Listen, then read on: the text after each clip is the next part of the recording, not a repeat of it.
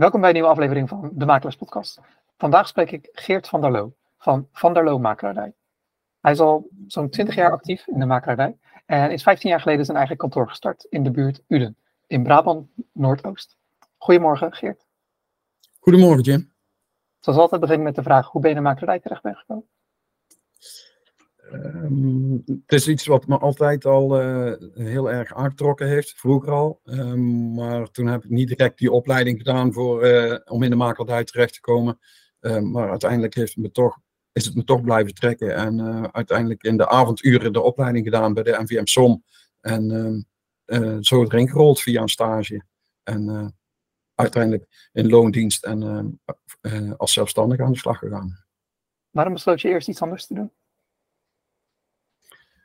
Nou, er is natuurlijk meer in de wereld dan uh, alleen maar makelaardij. En um, ik wil me eigenlijk zo breed mogelijk oriënteren om dan te kijken van, uh, past het bij me? Of uh, zijn er misschien andere dingen die ook leuk of interessant zijn? En vandaar dat ik in eerste instantie ben ik terechtgekomen in de juridische wereld. En heb ik um, ja, op een advocaatkantoor in Amsterdam gewerkt. En hadden we reuze interessante zaken. dus op juridisch gebied daar veel van opgestoken. Uh, maar uiteindelijk uh, merk ik wel dat je daar eigenlijk nooit um, heel blij of euforisch van kunt worden. Want ook al boek je een overwinning met een uh, juridische procedure, dan gaat er vaak jaren van ellende aan vooraf voordat het zover is. Dus dan is het niet echt meer een climax. En ja, anticlimax zou ik ook niet zeggen, maar dat je daar nou echt heel vrolijk en blij van wordt, dat is niet in alle gevallen zo. Dus toen dacht ik van nou, weg hier uit die slangenkuil en toch maar uh, mijn oude uh, passie maar weer uh, van stal halen en daar mijn energie in steken. Je hebt het over blijheid en euforie. En wat was het dan dat je zo trok tot de makelaarij?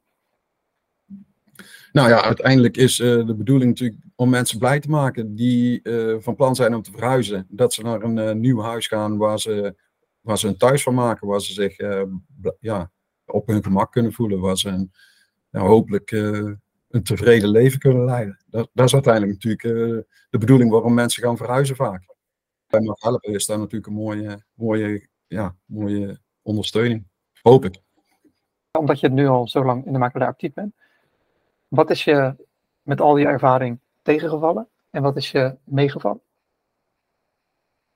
Um, nou, eerst dan maar wat, wat me tegengevallen is. Um, in de makelaardij gaat het nooit constant. Uh, je hebt te maken natuurlijk met de marktontwikkelingen, de conjunctuur. De woningmarkt is van zoveel factoren afhankelijk uh, waar je weinig of geen invloed op kunt hebben. Ook, natuurlijk ook niet als makelaar. Um, dus dat, dat, is één ding, het verkopen van de objecten, dus de woningen zal ik maar zeggen, omdat ik in de woningen zit, woningmakelaardij. Um, maar anderzijds, je hebt ook te maken met het verkopen van je eigen diensten. En um, ja, dat is, dat is ook weer uh, ja, eigenlijk toch iets andere tak van sport dan uh, een object verkopen.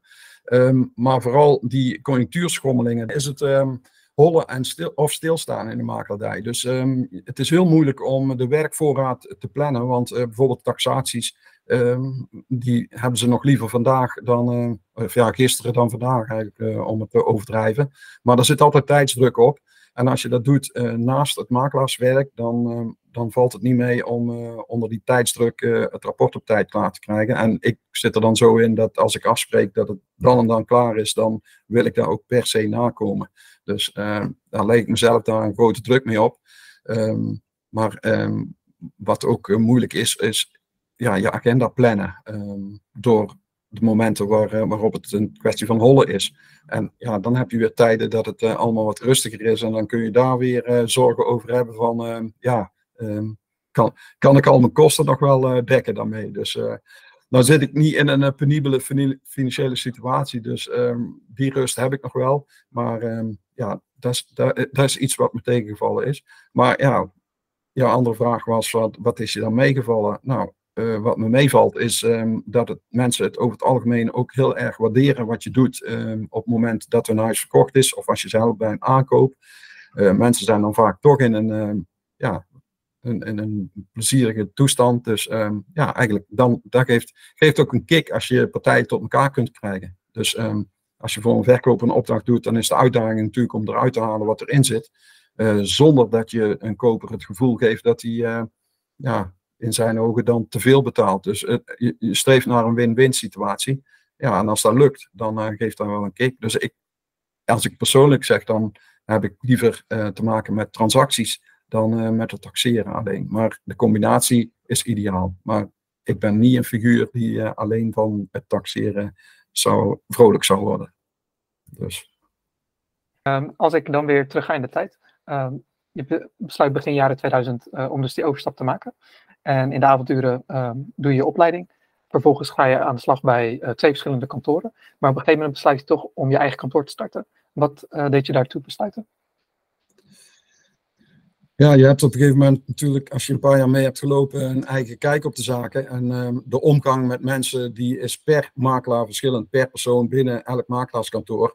En je merkt toch vaak dat mensen persoonlijke voorkeur hebben. Dus um, ja, ik, kan uit eigen ervaring zeggen dat het kantoor waar ik gewerkt heb, dan werkten we met uh, drie mensen in de buitendienst.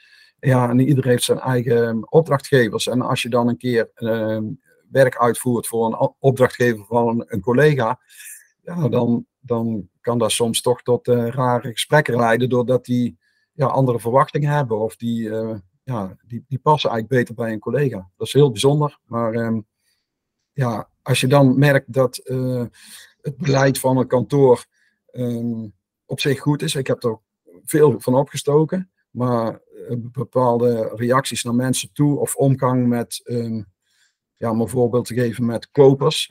een, koper is ook weer een potentiële klant voor jou. Dus als je hem ook uh, gewoon een, respectvol behandelt en uh, netjes behandelt, en dat is altijd mijn doelstelling, dan hoop ik dat hij in de toekomst ook een, een klant kan worden. Ja, daar, daar miste ik eigenlijk wel, als ik het mag zeggen, bij ehm, het beleid van het andere kantoor. Die, die zaten er anders in. Ja, als je dan een grote portefeuille hebt, dan kan dat misschien ook heel makkelijk. Maar ja, ik, persoonlijk zit ik anders in elkaar en denk dan van ja, dan, dan is het misschien toch beter om een eigen weg daarin te gaan kiezen. En dat was ook het plan. En toen kwam uh, een kantoor hier in Ude uh, op mijn pad. Die zochten naar een vervanging. En um, aangezien ik uh, daar contact had op dat kantoor, um, ja, polsten ze mij of dat ik daar interesse in zou hebben. En ik, ik liep net met het plan om sowieso op eigen benen te gaan staan. Dus toen heb ik um, voorgesteld of dat bespreekbaar zou zijn. En uh, daar wilden ze wel uh, een gesprek over aangaan. En toen is het in eerste instantie nog een firma geweest. Dus een vennootschap onder firma. waarbij we ieder voor de helft zeg maar zeggenschap hebben binnen die firma. En daar heeft ongeveer ehm, vier jaar, ja, vier jaar hebben we die samenwerking gehad. En um, toen veranderde er iets in de situatie van de andere firmant. En toen heb ik zeg maar het deel helemaal overgenomen zodat het 100% werd. En toen is ook de naam veranderd in mijn eigen naam. En dat is nu tien jaar, ja, de naamverandering is nu tien jaar geleden. Ja. Aangezien, het, het bedrijf van vennootschap zonder firma naar jouw eigen bedrijf werd, kan ik me voorstellen dat er ook wat wijzigingen in visie en in aanpak plaatsvonden. Um, en mijn vraag is, was dat zo? En zo ja, wat voor wijzigingen heb je doorgevoerd?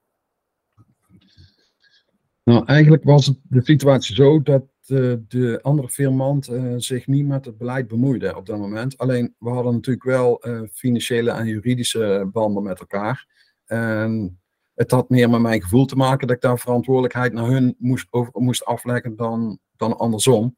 En bovendien moet je niet vergeten dat ik net startte op 1 september 2008. En we weten allemaal wat er op 15 september 2008 is gebeurd. Dus um, ja, het was gewoon het worst case scenario wat je van tevoren ja, alleen maar in je, in je nachtmerries kunt bedenken. Um, dus als ik het van tevoren geweten had, dan had ik het waarschijnlijk niet eens gedurfd. Want kwam de slechtste tijd uh, die er was in de makelaardij. Want uh, kwartaal 4 van 2008, ja, niemand kende Geert van der Loo in Ude in de makelaardij. Want ik werkte niet in dit gebied uh, toen ik in Ude woonde al, als makelaar. dus dat, dat is één, mijn onbekendheid. Ten tweede was het ook zo dat het kantoor waar ik dan voor werkte um, gecombineerd werd met een verzekeringskantoor. Dus um, ook niet echt als een groot uh, makelaarskantoor hier geprofileerd was in Uden. de portefeuille was ook maar bescheiden. dus ja, dat gecombineerd met elkaar was natuurlijk een hele slechte start.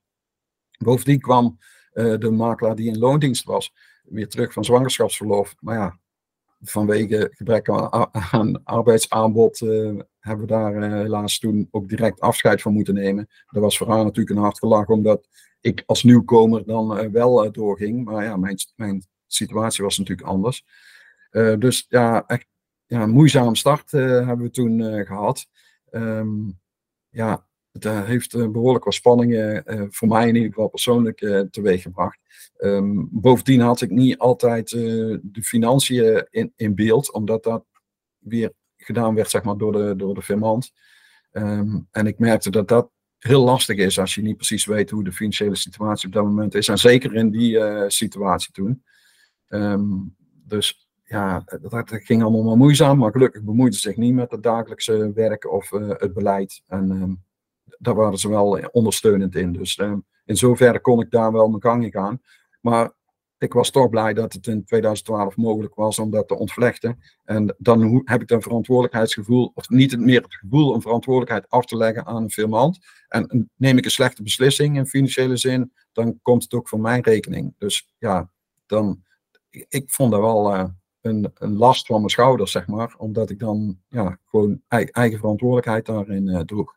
Dus het was meer het gevoel dan dat uh, het beleid uh, beperkt werd door een, een andere visie van hun. Daar hebben ze me eigenlijk ook helemaal vrij in gelaten. En toch merk ik dat op het moment dat je helemaal los daarvan staat, juridisch en financieel, dat het dan, ja, ik, ik vond het makkelijker worden om mijn, eigen, mijn eigen beleid, zeg maar, te gaan uitoefenen.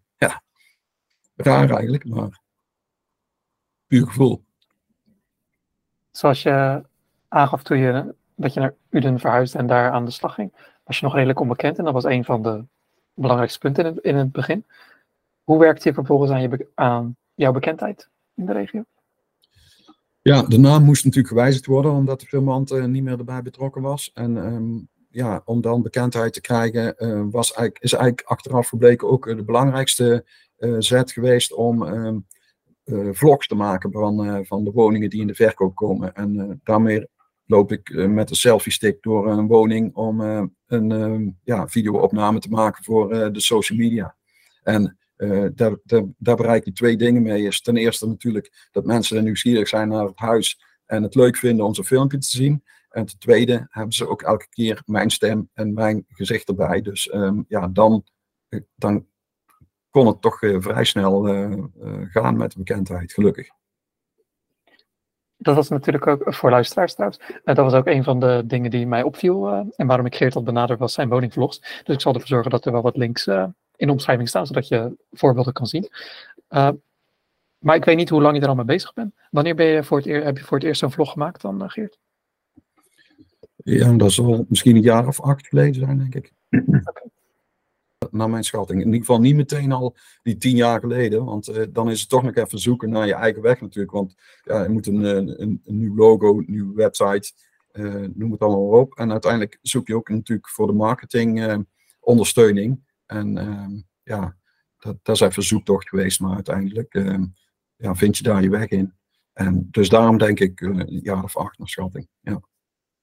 Wat deed je voor die tijd om klanten aan te trekken?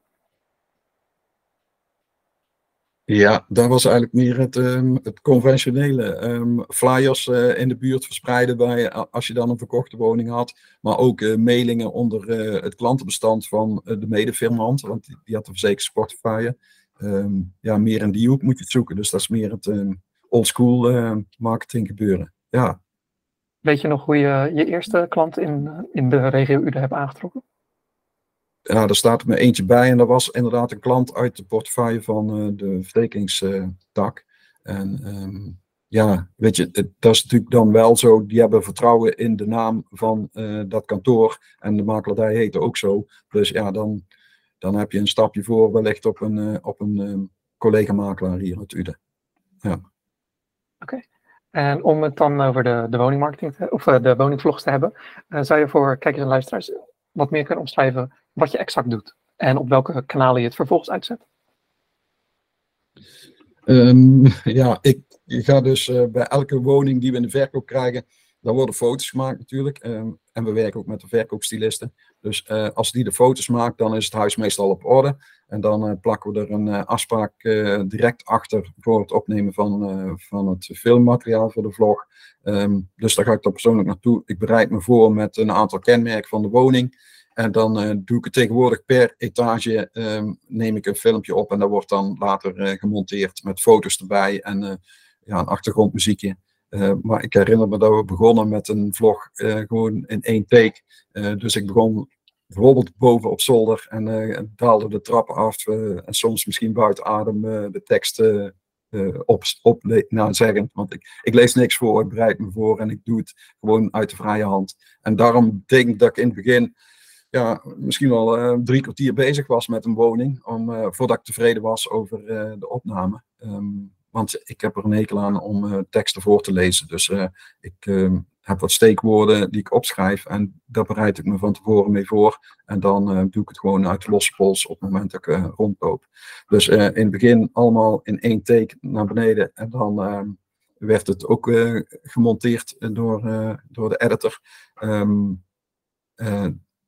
Volgens mij zaten er toen nog niet direct foto's bij en ook geen achtergrondmuziekje. Wel een uh, kop en een staart eraan gemaakt. Maar ja, van Lieverlee is dat natuurlijk ook uh, doorontwikkeld. En uh, ja, nu, nu ziet het er ehm, heel goed uit. degene die het edit, die voelt het ook heel goed aan. En die, ja, ik, in het begin kreeg ik een voorbeeldje toegestuurd. En dan kon ik het goed of afkeuren. Maar ja, inmiddels is het al jaren zo dat ik die filmpjes van tevoren niet meer zie. En ik weet toch, ja, dat komt goed. Maar degene die het edit, die is ook kritisch. Dus um, als die zegt van ja, dit, uh, dit zou ik anders doen, ja, dan, dan wordt het uh, aangepast en neem ik het eventueel opnieuw uh, nog een keer op. Dus het is wel een ontwikkeling geweest. En het grappige is dat in het begin um, ja, was dat nieuw voor Ude en, en misschien nog verder omtrek. Dat weet ik dan niet precies, maar het viel me wel op dat een collega slash concurrenten uh, er eigenlijk wel een beetje mee lachten. Zo van, uh, ah, daar komt hij weer aan met zijn selfie stick. En tot op heden ben ik nog steeds de enige in Uden en de omgeving die uh, met die vlogs werkt. En ja, inmiddels zijn mensen er denk ik ook wel aan gewend. Wat voor reacties kreeg je van consumenten of van klanten? Uh, heel bijzonder, omdat uh, ja, in het begin was het nieuw, dus krijg je heel veel reacties. Um, en eigenlijk allemaal wel positieve.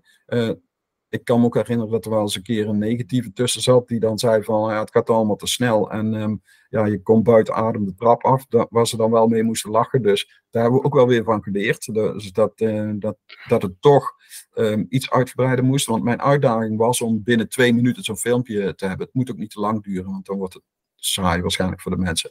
Maar heel veel positieve reacties en, en nog steeds tot op heden, want er zijn altijd mensen die niet op zoek zijn naar een woning en die hebben in het verleden ooit zo'n filmpje gezien en die uh, blijven gewoon op Facebook of Insta blijven die gewoon hangen. En uh, elke keer als er een filmpje komt, dan zien ze het weer. En ja, bijvoorbeeld afgelopen weekend uh, was een verjaardagsfeestje. En dan spreek ik iemand en ja, die zegt dat hij al die filmpjes ziet. Ja, helaas kan ik dat natuurlijk niet zien of controleren wie het allemaal ziet. Maar heel verrassend waar je soms reacties van krijgt. En heel grappig is ook um, de ervaring dat iemand uit Tilburg, die een Uden huis wilde kopen, die uh, belde naar ons kantoor en um, die kreeg ik uiteindelijk aan de lijn. En die, die sprak met mij alsof die, die mij al jaren kende. En, um, en, ja, dat vond ik eigenlijk wel bijzonder. Dus toen vroeg ik van, uh, maar hebben we elkaar dan uh, alles ontmoet dan bij een huis of zo?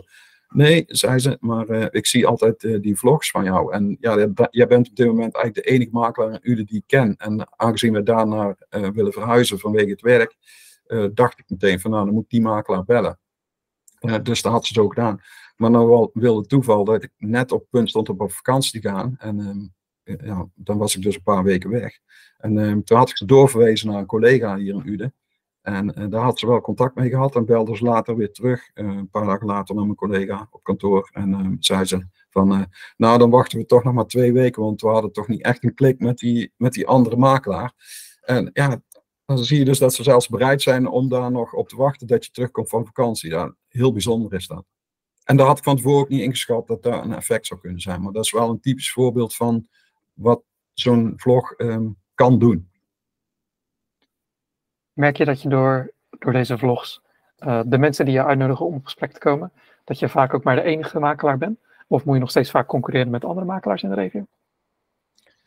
Ja, vaak is het toch zo dat mensen meer makelaars uitnodigen hier in de omgeving. Want je moet, je moet weten dat er in Uden um, alleen al 12 NVM-makelaars zitten op een, ehm, op een aantal inwoners van iets meer dan 40.000. Dus ja, het is gewoon keiharde concurrentie in Uden. Ja, ondanks het feit dat, dat je dan misschien op marketinggebied iets anders doet. Maar er zijn er inderdaad ook wel bij die um, geen andere makelaars uitnodigen. Maar dan heb je daar in het verleden al een keer iets voor gedaan en um, eventueel contacten onderhouden. Of voor uh, bijvoorbeeld voor vader en moeder verkoop je een huis en uiteindelijk vliegt dokter uit en dan uh, help je met de aankoop. Um, en die gaat nog eens een keer verhuizen en dan mag je weer verkopen. En zo wordt een beetje een familierelatie. En dat is natuurlijk wel leuk. En dan is het wel uh, in sommige gevallen zo dat ze ook niet verder gaan shoppen. Maar er zijn uitzonderingen. Over families en dergelijke, of klanten die in het verleden hebben geholpen, daar wil ik het zo dadelijk nog iets meer over hebben. Om de videomarketing um, langzaam zeker een beetje af te gaan ronden. Um, ik had gelezen dat je het op, of ik heb ook, ook gezien uiteraard, dat je op Facebook en Instagram uh, die video's plaatst. Um, maar ik zag dat, je, dat je ze bijvoorbeeld niet op YouTube plaatst of op je website. Uh, is daar een, een, bepaalde reden voor? Nee, dat is een goede vraag, maar ook daar laat ik over aan uh, de marketingman, die het, uh, of ja, het marketingbureau die het, die het regelt. Um, ik heb begrepen dat het niet mogelijk is om zo'n vlog op Funda bijvoorbeeld te publiceren, maar ehm, ehm, ja, dat zou anders, ja, dus ik zou er in ieder geval niks tegen hebben, laat ik het zo zeggen. Oké. Okay. Funda was ook mijn, mijn vervolgvraag geweest, waarom ze daar niet stonden. Dus dan moet ik ook maar even naar de wetgeving en regelgeving kijken, waarom het niet zou mogen. Uh, zijn er naast videomarketing nog andere marketingkanalen die je gebruikt? Uh, uiteraard Facebook en Instagram, daar plaats je ook je woningaanbod en dergelijke op. Maar zijn er nog andere soorten marketing die je doet? Nee. Ik moet zeggen dat ik eigenlijk uh, niet zo actief ben op het gebied van. Ik, helemaal geen agressieve acquisitie doe eigenlijk. Dus ehm, het is meer. Um, kijk, hoop altijd dat als mensen um, een keer uh, contact hebben gehad, uh, dat ze terug blijven komen. Dus dat ze tevreden zijn over uh, het resultaat. En dat ze denken van nou, de volgende keer dan moet ik zeker aan hem denken en zal ik hem weer opnieuw uitnodigen. Um, maar keiharde acquisitie, nee, daar doe ik eigenlijk heel weinig aan. Ja, eerlijk gezegd. En ja, misschien is het dan niet, niet zo hard nodig. En ik ben natuurlijk een klein kantoor. Op dit moment uh, zit ik uh, helemaal alleen. Ik heb jarenlang een um, assistentmakelaar gehad. Ja, die, helaas had hij het hart toch niet in de makelaardij liggen en um, heeft besloten om iets anders te gaan doen. Dus ik, ik ben op dit moment um, ja, zoekende om een collega eventueel daar weer voor aan te trekken die als assistent kan optreden.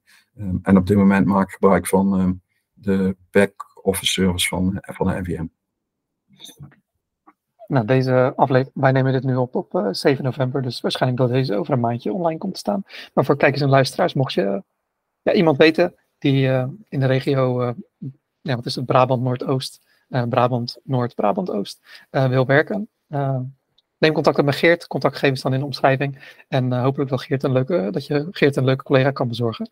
om weer terug te komen op, op jouw bedrijf, Geert zijn er, uh, wat het voornamelijk over marketing dan, uh, voornamelijk over de digitale kant, zijn er offline nog dingen die je doet? Uh, wat ik merk bij heel veel makelaars door Nederland, is dat ze bijvoorbeeld bij, net, bij ondernemersverenigingen of netwerkorganisaties zitten, of dat ze iets met sportverenigingen doen of met andere cultuurclubjes, om op die manier een soort te zien te zijn, lokaal. Zijn er voor ja, jou dat klopt. Ja, dat klopt. Daar heb ik gelijk in. Um, hier in Uden ben ik uh, lid van de tennisvereniging van LTC eh, Uden. En daar zit ik, ben ik dan ook lid van de sponsorsociëteit, zoals ze het daar noemen.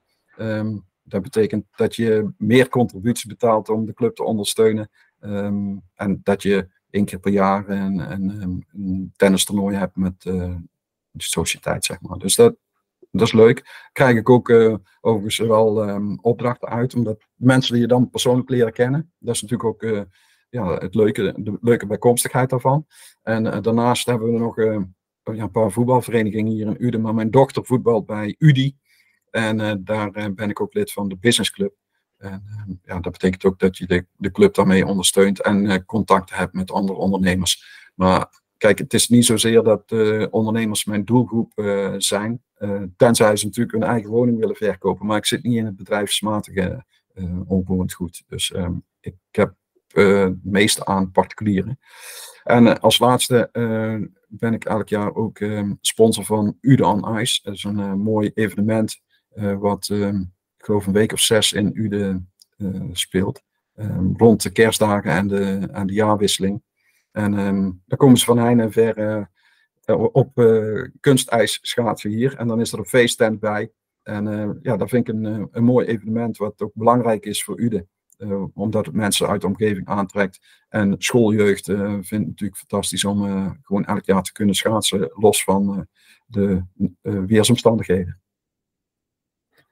Klein stukje terug, omdat je vertelde dat je erop hoopt door goed voor mensen te zorgen. Ook met kopers die niet jouw klanten zijn, dat ze op die manier weer terugkomen.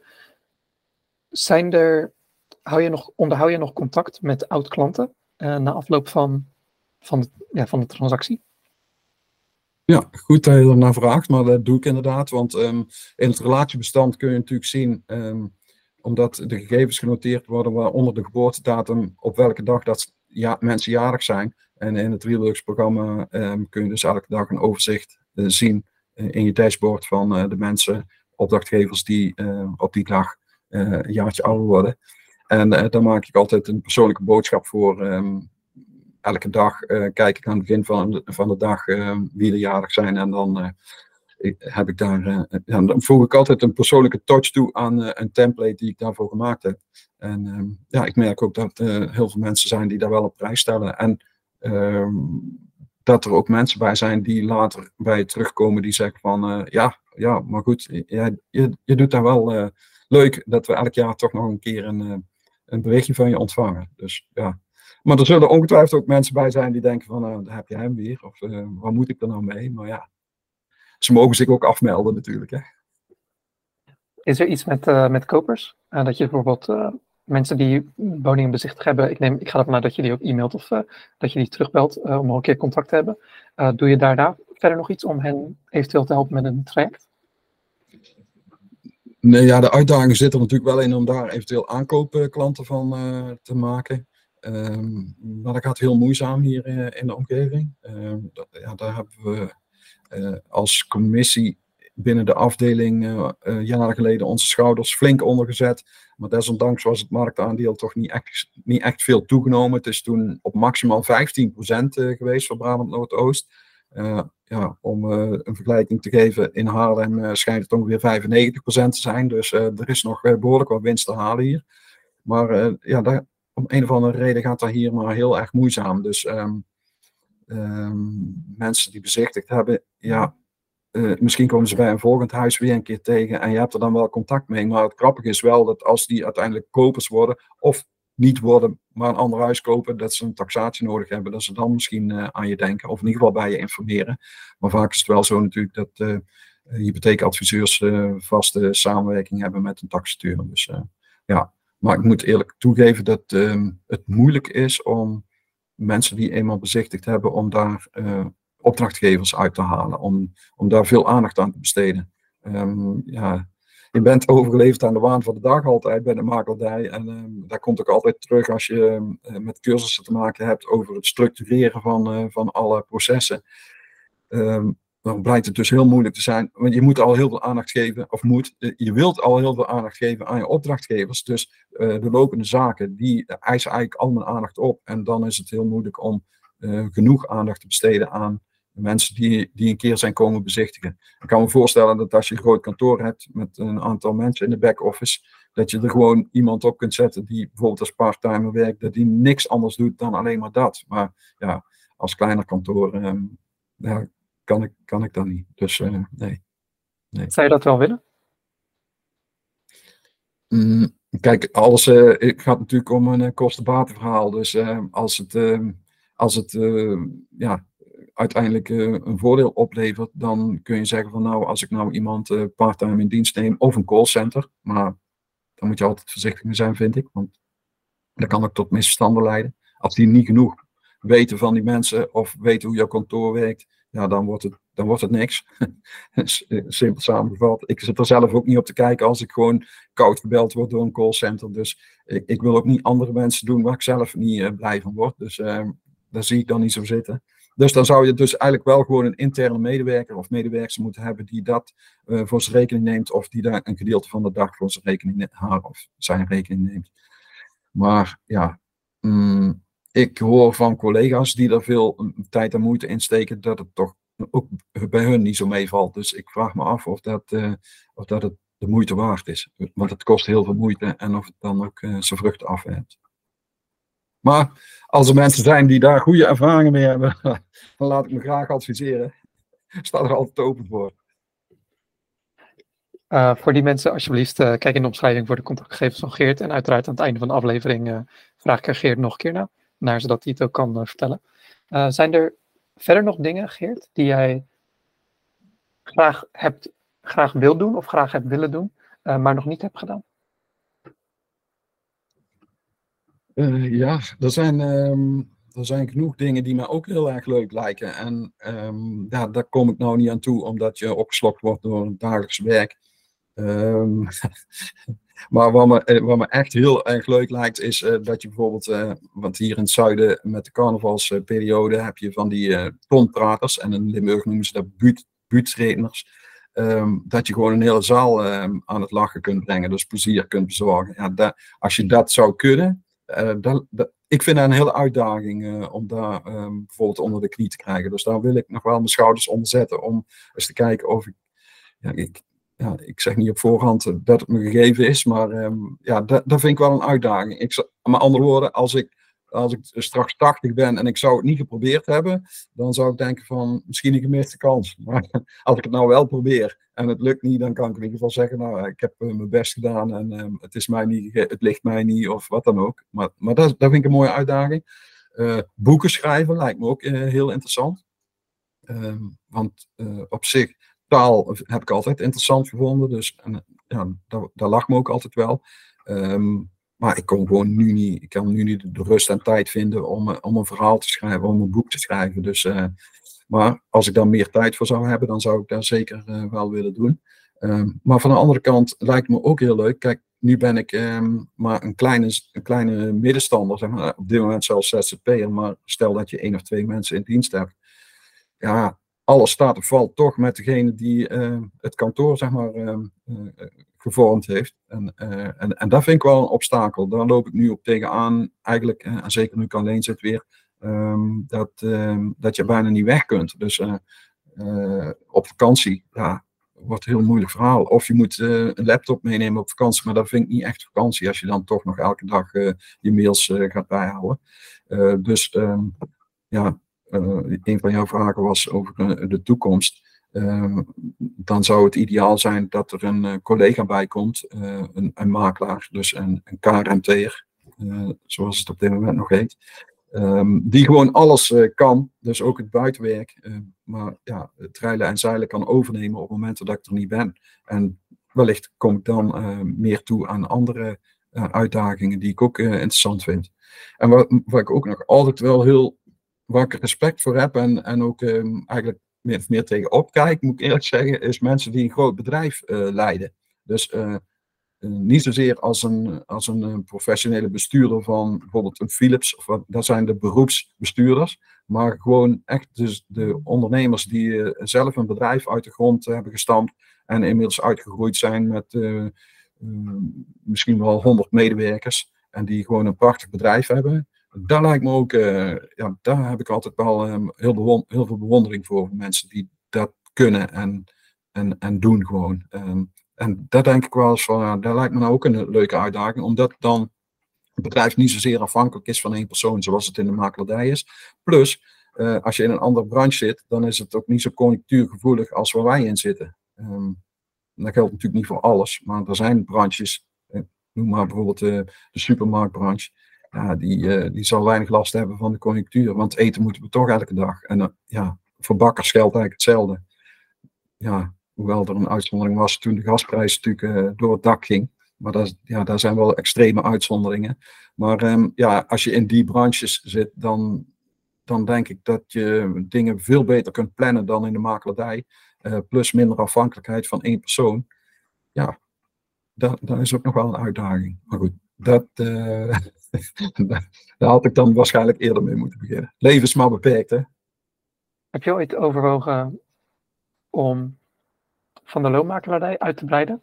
Uh, of misschien met meerdere locaties of met meer diensten, zoals wat heel veel makelaars doen, een hypotheektak, een verzekeringstak, uh, dat ze extra mensen in dienst nemen om op die manier te kunnen groeien en, en langzaam maar zeker die ambitie die je zojuist noemde uh, na te leven? Nee, Nee, in de makelaardij uh, niet, want um, voorheen, uh, het kantoor waar ik dan begonnen ben, uh, 15 jaar geleden, en toen we die firma hebben gestart, want er was al een bestaande makelaardij en die zat onder één dak met een verzekerings- en hypotheekadvieskantoor. Um, dus eigenlijk is dat gewoon los van elkaar gekomen. ja, vroeger was het heel gebruikelijk dat de makelaar ook hypotheekadvies deed, ehm, maar door allerlei eisen en steeds meer specialismes is dat eigenlijk gewoon helemaal uit elkaar getrokken. Dus die die, de makelaar van de oude stempel, zou ik maar zeggen, net voor mijn generatie, die zat in die twee takken van sport en was dat nog heel goed te doen. Maar um, ik heb um, in de, ah, ja, zeg maar 15 jaar geleden ook meegemaakt dat hypotheekadviseurs zelfs afhaakten door allerlei strenge eisen van, uh, van de AFM en uh, waar ze dan aan moeten voldoen. Terwijl zij denken van ja, ik zit al zoveel jaar in dit vak uh, en nu moet ik steeds meer tijd besteden aan het al, allerlei administratieve handelingen, uh, die voor mij, eigenlijk, wat mij betreft, eigenlijk overbodig zijn. Dus da dat is nooit een uitdaging voor mij geweest om een hypotheekadvieskantoor erbij te beginnen. Um, en je noemde nog een andere, uh, verzekeringen. Ja, ja de, vraag ging, ging er meer om, omdat je aangaf uh, dat je bewondering had voor ondernemers die het ja. bedrijf hebben laten groeien en dat ze uiteindelijk een bestuurder werden. Um, was mijn vraag meer, ging mijn vraag er meer om, of je ooit hebt overwogen jouw makelaarskantoor uit te breiden? In welke ja, zin dan ook? Nou, nou, dus niet op het hypotheek uh, gebeuren, zoals ik net al uh, uitlegde, maar wel op het uh, beheer van verhuurde woningen. Dus um, dat doe ik onder de handelsnaam enthousiast. Dus niet enthousiast, maar het is wel een verbastering van enthousiast. Um, een aantal huizen van, um, van opdrachtgevers die in het buitenland wonen en die beleggingspanden hebben. En uh, daar het verhuur, uh, dus de huurmutaties voor regelen en het beheer, dus incasseren van um, de huurbetalingen en het doorstorten en het technisch beheer. Um, en dat zorgt natuurlijk voor de continuïteit. En dat zou ik nog wel graag wat meer uit willen bouwen en kunnen bouwen. Alleen nu is het uh, met, uh, met de regelgeving, onduidelijke regelge regelgeving van de overheid, is het maar even de vraag waar het naartoe gaat. Dus ja, dat is, ook daar hebben we weer te maken met onzekerheden. En die zijn we sterk afhankelijk van de regelgeving van de overheid. En ja, ik niet uit te leggen hoe wispelturig uh, de overheid uh, de afgelopen 10, 12 jaar is geweest. Dus uh, hopelijk komt er een grote verandering op dat gebied. En, ga, en gaan niet alle regels door die ze van plan zijn op de woningmarkt door te voeren. Ja, het is in ieder geval duidelijk dat je, dat je er wel over hebt nagedacht. Om het op de een of andere manier uit te breiden. Maar dat, dat het toch een soort sector is die het lastig voor je maakt. Ja, ja, zo ervaar ik het tenminste. En als ik, um, ik ken natuurlijk wel collega's die een aantal vestigingen hebben, maar um, ja, weet je, de regelgeving van de NVM kan daar ook een belemmering in vormen. Want we hebben natuurlijk te maken met een, uh, met een KRMT, RM en RT hebben tegenwoordig en ARMT. En um, nou zit ik dichter bij het vuur, omdat ik uh, deel uitmaak van het bestuur van de afdeling van Brabant Noordoost. Dus ik krijg heel veel dingen ja, van dichtbij mee. En ik weet dat er op dit moment een discussie gaande is over die uh, titulatuur binnen de NVM en alle regeltjes die de NVM in het verleden uh, ja, opgesteld heeft. En of we daar niet uh, in kunnen snijden. En ik hoor dus wel van collega's die meerdere vestigingen hebben, die ook zeggen van ja, die regelgeving die we onszelf opgelegd hebben, die, um, die belemmert ons ook gewoon in het ondernemen. En ja, dat is ook zo. De, maar ja, zolang de regels er zijn en je maakt deel uit van de vereniging, dan gelden die regels ook voor jou. Dus uh, of ik nou eens ben met alle regels, ja, dat doet niet zozeer de zaak. Als je uh, uh, lid bent van de vereniging, dan vind ik ook dat je je aan de regels moet houden. Um, en je kunt natuurlijk van binnenuit eventueel ervoor strijden om regels te veranderen. En ik denk wel dat als, als dat allemaal wat soepeler wordt, dat het ook makkelijker is om mensen te krijgen in de makelaardij. Want um, als ik dus iemand zoek die, die ook alles alle werkzaamheden zou kunnen overnemen voor mij, ja, dan moet hij al aan bepaalde eisen voldoen. Terwijl die man of vrouw uh, al uitermate geschikt zou kunnen zijn in een, commerciële functie, En, ehm, en ook de regeltjes, of ja, de juridische haken en ogen bij de woningmarkt kent. Maar hij, moet wel hij of zij moet wel de kwalificaties hebben om ja, deel uit te kunnen maken van een aangesloten kantoor van de NVM. En ehm, ja, de, dat belemmert ook. Ja, is nou helemaal zo. En je merkt ook dat de instroom, dat, dat is gewoon een algemeen probleem binnen, binnen de makelaardij, is uh, de vergrijzing. Um, jongelui vinden het niet meer zo'n uitdaging kennelijk om in de makelaardij actief te worden. En dat kan ook te maken hebben met uh, de ongeregelde tijden. Dus uh, ja, dat ze dan zeggen van, ja, moet ik in de avonduren ook bezichtigingen doen of op zaterdag? Liever niet. Liever vier dagen in de week werken dan vijf. Ja, toen ik begon in de makelaardij, dan werk je zes dagen als het moet. Dus ja, en zeker als je voor jezelf werkt, ja, dan, dan is het gewoon zes dagen werken. En dan is het, je bent 24 uur makelaar. Dan laat je eigenlijk nooit los. En als je die betrokkenheid niet hebt, ja, dan wordt het moeilijk in de makelaardij. En daar heb ik natuurlijk van dichtbij ook wel gezien. Ik heb meerdere collega's gehad. Ja, als de betrokkenheid eh, te weinig is, dan, dan, dan lukt het niet. Je moet verbanden, of moet, ik vind dat je het beste verbanden kunt leggen. Dus dat als iemand daar een huis koopt, dan komt daar een huis vrij. En als je die link kunt leggen, zeg maar, dan heb je ja, belangrijke informatie, of informatie die belangrijk voor je kan zijn. En je moet ook weten wat er allemaal te koop staat. En ja, als er dan een collega op kantoor uh, in de binnendienst uh, en, en nooit spart over van, oh, zie je die vraagprijs van dat huis? Of hey, daar is dat huis te koop gekomen en we hebben in diezelfde straat hebben we een huis verkocht. Ja, als dat er niet is, dan mis ik, dan vind ik dat ik een bepaalde mate van betrokkenheid mis bij zo iemand. En dat heb je wel nodig in mijn ogen. Je noemde heel veel dingen waar ik heel makkelijk nog een uur over door zou kunnen praten. Uh, maar ik zal het beperken omdat we ook langzaam maar zeker tegen het einde van het uur aanlopen. Uh, ik heb nog twee vragen voordat ik mijn afsluitende vraag stel. Um, gerelateerd aan wat je zojuist zei. Het eerste is, los van wetgeving en dergelijke, zijn er andere, kan technologie zijn, uh, kunnen bepaalde processen zijn, die je graag anders zou willen zien, uh, die jouw leven als makelaar makkelijker zou maken? Nou ja, wat ik in ieder geval al um, makkelijker zou vinden, is uh, dat wij niet aan allerlei poortwachterseisen moeten voldoen. Want wij worden eigenlijk ik vind dat wij worden opgescheept met uh, het probleem van de politie en uh, opsporingsinstanties. Um, als je ziet wat wij tegenwoordig moeten doen om mensen te screenen, terwijl het hier mensen uit het dorp zijn, die ik al, al ja, vanaf de kleuterschool misschien ken, dan moet ik een WWFT-check doen. Hoe vaak we die ook doen, er is nog nooit iets uitgekomen, maar we moeten het doen. En zo zijn er meer, bijvoorbeeld als mensen geen voorbehoud voor de financiering maken, en, uh, of, of maar een beperkt bedrag, dan moeten we gaan informeren van uh, en waar komt de rest van het geld vandaan? Ja, er zijn soms mensen die vinden dat niet echt, of die stellen niet echt op prijs dat die vraag gesteld wordt. Maar als je dan uitlegt wat de reden is dat je de vraag stelt, dan krijg je er ook wel een antwoord op. Noteer ik in het dossier. En vervolgens bij de notaris, daar komen ze nog een keer een poortwachter tegen. Dus moeten ze het nog eens een keer op papier zetten waar het geld dan vandaan komt.